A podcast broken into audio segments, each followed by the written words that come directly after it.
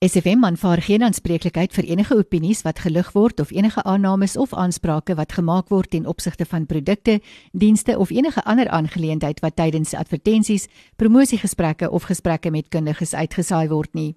Die inhoud van enige insette verteenwoordig nie noodwendig die siening van SFM nie en alle navrae, klagtes of besware kan direk aan die betrokke adverteerders of kundiges gerig word.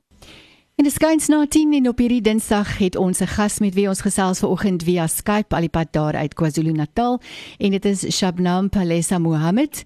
En ek gaan nou oorskakel na Engels. Ons gas is Engels sprekend en dan gaan ek eers vir jou vertel wie sy is voordat ons vir haar môre sê. Dis Shabnam Palesa Mohammed. Uh, she's an activist, journalist and law qualified mediator.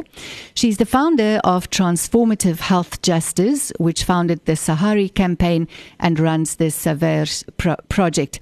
She is also a steering committee member of World Council for Health and International Legal Alliance for Health.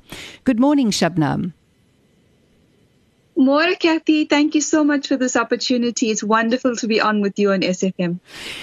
Um, Shabnam, let's begin. Tell us about transformative health justice and its first campaign, Sahari. So, Sahari was the first campaign launched by Transformative Health Justice in January this year. And it was launched because we realized, or I realized as the founder of the movement, that ivermectin works as treatment uh, both in the early and late stage and as a preventative for coronavirus. This after extensive research, uh, both article based as well as watching videos by experts such as Dr. Pierre Kory from the FLCCC, Dr. Paul Marik, who's also, uh, you know, the founder of the FLCCC and um, of South African born as well, and other experts who were brave enough to speak out and say there is treatment for coronavirus, there is hope, we don't need to live in fear. We need to create access to this medicine. And so I launched a Facebook group called Sahari. South Africa has a right to ivermectin. Um, and within a space of a couple of months, we reached about 75,000 members of uh, many of people who knew that this medicine works. Uh, some were curious about finding out more because this lockdown is just having such a horrendous impact on people's lives. Um, and others who didn't agree or were looking for a debate and wanted to believe that only expensive novel treatments could work to treat coronavirus. Um, and of course, in terms of ivermectin, we know that it's effective, it's affordable, it's safe, it's Nobel Prize winning. There's over 60 different studies supporting its use. Dr. Tess as, as well came out with a study um, confirming the uh, benefits and effects of ivermectin. Of course, she's um, former South African born as well and the founder of EBMC and Bird. Uh, and so we, we launched this massive campaign to do with educating people, um, to providing them with documents that they could use when hospitals and doctors denied them access to this medicine, which tended to happen actually quite often. Uh, for some reason, doctors, some doctors uh, tended to have forgotten that they have the right to prescribe medicines and repurpose medicines is something that's done um, in, in medicine and in healthcare. And so from education to awareness to distributing uh, pamphlets and flyers on the ground to online campaigning to assisting people to have access to, to ivermectin. I mean, we've just done it all. Creative work, artwork, uh, posters, cartoons uh, with Dr. Nanda Subin, just all of it. And that's the first campaign of THJ, um, which is, of course, Transformative Health Justice. And it's an NPC uh, that's focused on equitable, ethical, safe, affordable, and transparent healthcare in South Africa. Then moving on from the Sahari campaign, you are also running uh, the Savairs project. If, I'm not sure whether I am pronouncing that correctly, so please help me there. But what is the motivation behind this project? So, Kathy, THJ launched the Savairs or Savairs project, whichever you're comfortable with, because we realize the importance of recording independently the adverse effects being experienced by residents in South Africa. Um, it's partly because we knew that there was a cover up of adverse events overseas that people were complaining about in various countries, um, as well as censorship in the media, which keeps holding this position or that uh, there's there's absolutely no adverse effects, and if you're experiencing them, they're mild and they're okay. um, that nobody has died after taking this uh, these shots. Um, and so, you know, we looked at uh, the MHRA yellow report. We looked at what was happening in the US VAERS system, and we decided it's very important, especially given um, the track record of the pharmaceutical industry in South Africa and around the world of fraud, corruption, racketeering, and harm, and being fined for covering up adverse events and bribing doctors, etc. That we would launch uh, this project to give South African residents a voice, to be able to report what it is they're experiencing without any shame, without any um, embarrassment, without any fear. Uh, and so we would be able to then collate those reports and raise awareness amongst the public that you're not alone. This is what people are experiencing, and you have a right to informed consent. So, what kind of questions uh, does the SAVAERS form ask of the public? So, if you go to the website version, and there's two versions of the report, the one is on the website www.savaers.co.za. The questions that are asked are your age at time of um, in inverted commas vaccination. We try not to use that word because these injections don't fit the definition. Your gender, your um, state or province, have you been diagnosed and recovered from C19, date of jab, adverse event, uh, the date the adverse event started, or you pregnant at the time, any prescription medication taken at the time, allergies, um, other illnesses at the time of jab and up to one month prior, any chronic or long-standing uh, health conditions, which jab did you take, um, which dose number if it's in the series, what adverse event was experienced, can you describe it for us? Um, did you have to take any days off work? Has the patient recovered? And what was the result or outcome of the adverse event? And of course, if unfortunately death occurred, then what was the date um, of that? The other uh, reporting system that we've got is a uh, is a form that I've developed that asks uh, questions in addition to that, which are very important in, in order for us to establish um, what's going on in South Africa. For example, have you reported, you know, what you experienced to to SAHPRA or the Department of Health, and what has their response been? Mm. Um, uh, some of the other questions include um, having a look here. Did you consult with a doctor for advice before taking the jab? Did the jab site ask questions about your health status before giving you the jab? Because we know screening is really very important. Mm-hmm. And then, of course, did you receive enough information about the ingredients, the negative effects, what to do if you experience them? Um, did you sign an indemnity form? Was it explained to you in your language? Was a copy of the form given to you? And then uh, a very, very long list of uh, options you can choose in terms of adverse events. We also ask about mental adverse events because we know people are experiencing these. And um, from there, if you went to the clinic uh, or public hospital or uh, emergency room, when did you go? What treatment did you receive? Um, and what happened after that? How many days did you lose of work, if any? What effect has it had on your life? What was the response from SAHPRA or government? Do you believe that you or the vaccinated person was lied to, manipulated, intimidated, or threatened into taking the jab? What outcome would you want? What would you want from government? And um, who do you believe should be held responsible and what's your message to the public? So it's a little more detailed than the website version. Yeah. The responses that we're getting are so important for us to be able to share with the public that this is what people's experiences are. We're going to take a quick break, uh, Shabnam, and then we're going to return to these very important questions. Yes, ingeskakel op SFM in ons gesels vanoggend met uh, Shabnam Palesa Mohamed en ons praat oor die baie belangrike projek Savaers. Uh, Shabnam, we we spoke about what questions you ask of people who try to report adverse events uh, on on Savaers and their website. But what kind of reports are you actually collecting? What is it that people are experiencing?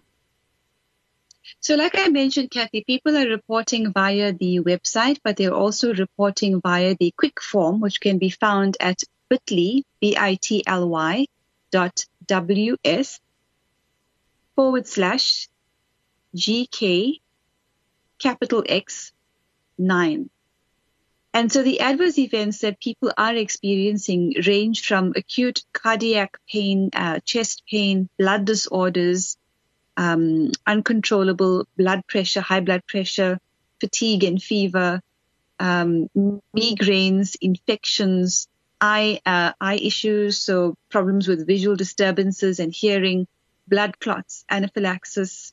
Um, it's, it's, a very very long list. Um, vomiting, dizzy, shaking, eye pain, stomach pain, uh, night sweats, uh, eye disorders, uh, fainting because BP spiked and then dropped, lots and lots of headaches, muscle stiffness, muscle cramps, um, menstrual issues also very common from people who suddenly started having their menstruation again after being in menopausal phase or um, are having a very heavy menstrual period that we find to be really unusual. One person reports losing my speech and not being able to walk, um, herpes, a raised D dimer, um, severe back pain, tinnitus, water on the lungs, uh, and of course, cognitive issues as well that people are describing from anxiety and depression to suicidal thoughts um, and and uh, just feeling very angry at having to go through this experience. So these are some of the experiences people are having, Kathy. Can you tell us about the Musgrove case, uh, which was reported to SAVAERS? So Carol Musgrove reported the horrific experience of her husband Trevor Musgrove after taking part in the J&J uh, ensemble trial, which was meant to test the effect of a second shot uh, for J&J. And although the research institute maintains that he was given a placebo, what Trevor experienced um, immediately, very soon after taking this jab, is clotting, uh, heart attacks, rashes all over his body, uh, and just a complete breakdown in his uh, otherwise healthy life. Um, and absolutely no support from the Research Institute or for SAHPRA from anyone really who wanted to listen to what he was experiencing. He's been in hospital a number of times. In fact, he is in hospital currently. He's had a bypass um, and is, is, you know, was looking okay at the time, but he's not currently very, very ill again it's just a really horrendous experience, uh, Kathy, and lots of cover ups as well from people who, one, don't want to give them answers. Two, there's no medical support. Um, and they just feel very let down while trying to do country duty. That was what Trevor was trying to do. So as THJ and as SAVAERS, we're supporting the Musgrove uh, family and we're asking for people to support them to get through this horrendous time in their lives uh, and just for all victims to know that this could potentially happen to you, but you're not alone. One hears uh, that people who are experiencing adverse events aren't receiving a whole lot of sympathy from the medical community, and there's simple, simply a flat denial that it cannot have anything to do with the vaccination or the jab, as you refer to it. But what has the response mm. from government and SAHPRA been? It's been atrocious because people report to us that they try making a report with SAHPRA. They find the system very cumbersome. Even doctors have told us that. Um, or doctors have also told us that their invest- the investigation teams already make a decision that it's not jab related before even investigating. Um, and so people respond difficulties with the form. They say they try calling, they can't get through, or when they do, there's a lack of interest in assisting them. They're just told it's normal. Um, they're not sure that actual proper investigations are happening. And so they're very much on their own in terms of what they're experiencing. And it's actually quite, um, quite a betrayal from people who believe that they were doing the right thing to protect themselves and their loved ones. Uh, is there such a thing as blanket immunity for big pharma? And uh, if it is indeed the case, what does it mean in South Africa and globally? Well, that's a good question, Kathy. So, our government has signed the people of our country up in a deal with the pharmaceutical companies that in essence gives them complete immunity from any legal action arising from negative or adverse events being experienced by residents of South Africa. Instead, who will pay victims apparently is our own people, right? Via government, which mm. holds the resources of our country in their hands. Mm. And so essentially, we as the people must pay people who are experiencing adverse events or families in the case where deaths have occurred as a result of these jabs. These are the agreements that have been signed and are protected by non-disclosure agreements. Fortunately, though, these agreements are starting to become uh, public knowledge through hashtag Pfizer leak, and you can look for that on Twitter and in other spaces, uh, where the draconian measures being imposed by pharmaceutical industries are being exposed. And um, this is the case in South Africa and globally, and victims are finding out that if something goes wrong, you have actually actually no recourse. Now we've been told in South Africa there is a compensation system, Kathy, but in my view, in the view of many people and the legal colleagues that I work with, it actually doesn't exist. There is no website, there's no application process, and far more, far less has been invested in compensation than buying these super expensive uh, vaccine products uh, for our country. Uh, there's even, you know, a rumor that does the rounds that some of the medical aides have also indemnified themselves when it comes to any adverse effect uh, after the jab. Absolutely. Discovery is one of the companies that has done that despite trying to mandate jabs on their staff. And of course, there's going to be huge issues related to that.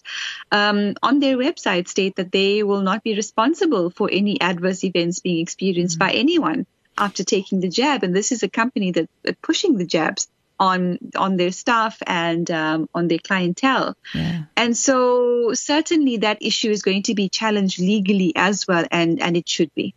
It is a bit scary if you know if the manufacturer of the of the vaccine does not take responsibility, has blanket immunity, and one's medical aid does the same. So we have to ask how will victims be compensated for harm or death from jabs?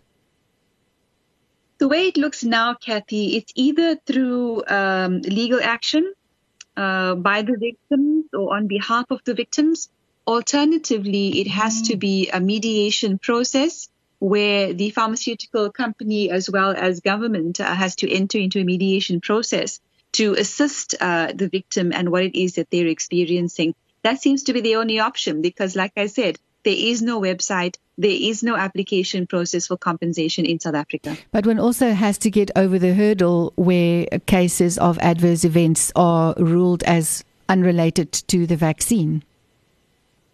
Quite right. SAHPRA has maintained that none of the deaths reported to them is actually related to the jab. And meanwhile, we know as THJ and as SAVAERS, uh, and also by surveying social media and seeing the number of reports that are coming out from people who are being gaslighted and told, no, it's not related. Um, but hundreds, if not thousands of people reporting across various platforms uh, talking about what's experienced by their family or their friends or by themselves. Mm-hmm. And so certainly it's a, it's a horrendous time for many people who are realizing just how they've been betrayed. But it's very important for us to not give in to the fear and rather to stand together to make sure that people have informed consent uh, and that ultimately the rollout of an unnecessary and dangerous product is halted. Shabnam, we're going to take a short break and then I have a few last questions for you. Yes, ingeskakel op SFM en ons gesels vanoggend met uh, Shabnam Palesa Mohamed en ons praat oor die Saveers of Savairs project. Uh, Shabnam, you spoke out about state capture by big pharma. What does that mean? So state capture is a phrase that's very common to us as South Africans, Kathy, going through the Zondo Commission and not seeing, you know, corporates in particular being held responsible for their role in capturing state assets and resources. But of course, Big Pharma is also responsible for multinational state capture in South Africa um, in the sense of trying to hijack our military, our embassies, our reserve bank, billions in cash, and of course that blanket immunity. And although uh, the former minister has said that they backed down, Pfizer backed down on that demand as collateral for their product, we don't know that because we don't have access to that contract. Um, and so Pfizer did try the same in Argentina and Brazil and were refused. But as it stands right now, like I said, unless we have access to those contracts, we actually don't know. We can't afford to pay for those exorbitant products. Uh, we could lose all of those assets that actually belong to our country. And that, for me, is the biggest form of state capture our country has ever experienced. What is your view if we if we just look at the situation where there is blanket immunity and where basically nobody nobody in the know, and I'm referring to the pharmaceutical companies, is prepared to actually take a risk on the jab and the adverse events that may follow on that. So the risk is for me and you when we when we do receive the jab, we take the full risk. What is your view on that? Well, I think it's preposterous uh, to even consider the risk being passed to the consumer. In no other industry, whether service or product related, is that a reality. Unfortunately, this is how the pharmaceutical industry has been allowed to operate. And of course, we know it has a history of selling, for example, cancer-causing baby powder in the case of J&J. Um, and also part of these contracts that they've signed, which have come out via the leaks, Kathy, has said that countries cannot even examine the contents of the vials. And so ultimately, they want for people to inject whatever product they've created, regardless of the adverse event, not be held responsible, even if they don't deliver or they deliver late. Uh, and so certainly these agreements should never have been signed. And I do think when they're taken on legally, that they will be overturned. The phrase that we hear so often in the media, spoken by uh, mostly the politicians, is that the vaccines are safe. And if you compare that statement to the blanket immunity, if it was that safe, then why why take the blanket immunity? Well, that's the case. Isn't it the ultimate irony? If your product is safe, you would never need blanket immunity. And it's not a question that's getting raised enough in the public space, at least not by mainstream media. We sort of um, it's it's covered up, and we're taught to think that it's absolutely normal when it's not. Uh, it's not normal. It's not something we could we should accept, and certainly not in a country like South Africa with massive um, economic inequality and unemployment issues. That this kind of immunity is only going to exacerbate. What is the plan in terms of various legal actions in South Africa? So I'm with the International Legal Alliance for Health. I'm on the steering committee as well as the South African chapter of ILA. And there's various legal actions that we had a meeting about the other day um, that are happening in our country. From ILA's action to halt the jab rollout based on 12 very important reasons, including massive conflicts of interest in those who are making decisions about our health and state capture, the adverse events being experienced. But there's also a, n- a number of other legal actions that are being launched currently by various parties that we are aligned with. That includes stopping the trial on children. Um, it includes uh, workers' rights matters that are going to be launched to protect the rights of workers who don't want to take these jabs. Um, it includes criminal actions that are going to be uh, instituted via criminal law against those who have convinced us that these products are safe and effective and, and healthy for us. Um, and so there's va- various legal actions being planned, at least 10 to 12 of them currently. And we remain very engaged with various parties uh, in our country who are taking this matter on. It includes a Rule 53 application that requests information from the government uh, on, on evidence proving why they called for a lockdown, what was the basis of the lockdown, and uh, asking for those contracts with these pharmaceutical companies as well. So certainly a long road ahead, but we're ready for the challenge. You mentioned trials involving children. Can you tell us more about that? So, SAHPRA has given permission or consent or approval for trials to uh, to take place on uh, South Africans from the ages of six months up. And there's a huge outcry about that because not only do they not need these injections because they have robust immune systems. But given what adults are experiencing, certainly it's not something we want children to go through. Mm-hmm. Uh, there's also been approval for products um, for the jabs for 12 years upwards for our teenagers as well. So there's a trial going on and there's a rollout going on, but all part is of a bigger trial because we know that ultimately this entire trial only ends in 2023. Mm. So anyone taking the jab is actually part of a trial. Mm. Where can people find Savars or Savers, whichever way you want to pronounce it, and how can people report? So people can, uh, we're hoping report via the quick form, uh, and I mentioned the short link just now. It's bit.ly, B-I-T-L-Y dot W-S forward slash G-K capital X 9 and that will give us a lot of important information, in particular regarding informed consent. or they can choose to report via the surveyor's website, savaers.co.za. You can also find us on Telegram. We do have a group. So if you search for SAVAERS, you will come across the channel and the discussion group. Shabnam, what is your message to the public? Our message is ultimately informed consent. We want people to be aware of what uh, is being experienced by people who have taken the jabs uh, and know that they have a right to refuse, that they should not be forced. And they can never be made mandatory. We're saying that we should resist jab passports, uh, and under no circumstances should our children also be subject to experimentation. And of course, we're asking for people to please report to us at SAVAERS so we have transparency and so people have access to information and the right to health, and ultimately that the power of the people is stronger than people in power. Shabnam, thank you very much for all of this information. It's uh, certainly given us a whole lot to think about. I hope you have a wonderful day further. Thank you for the opportunity, Kathy, and thank you to SFM.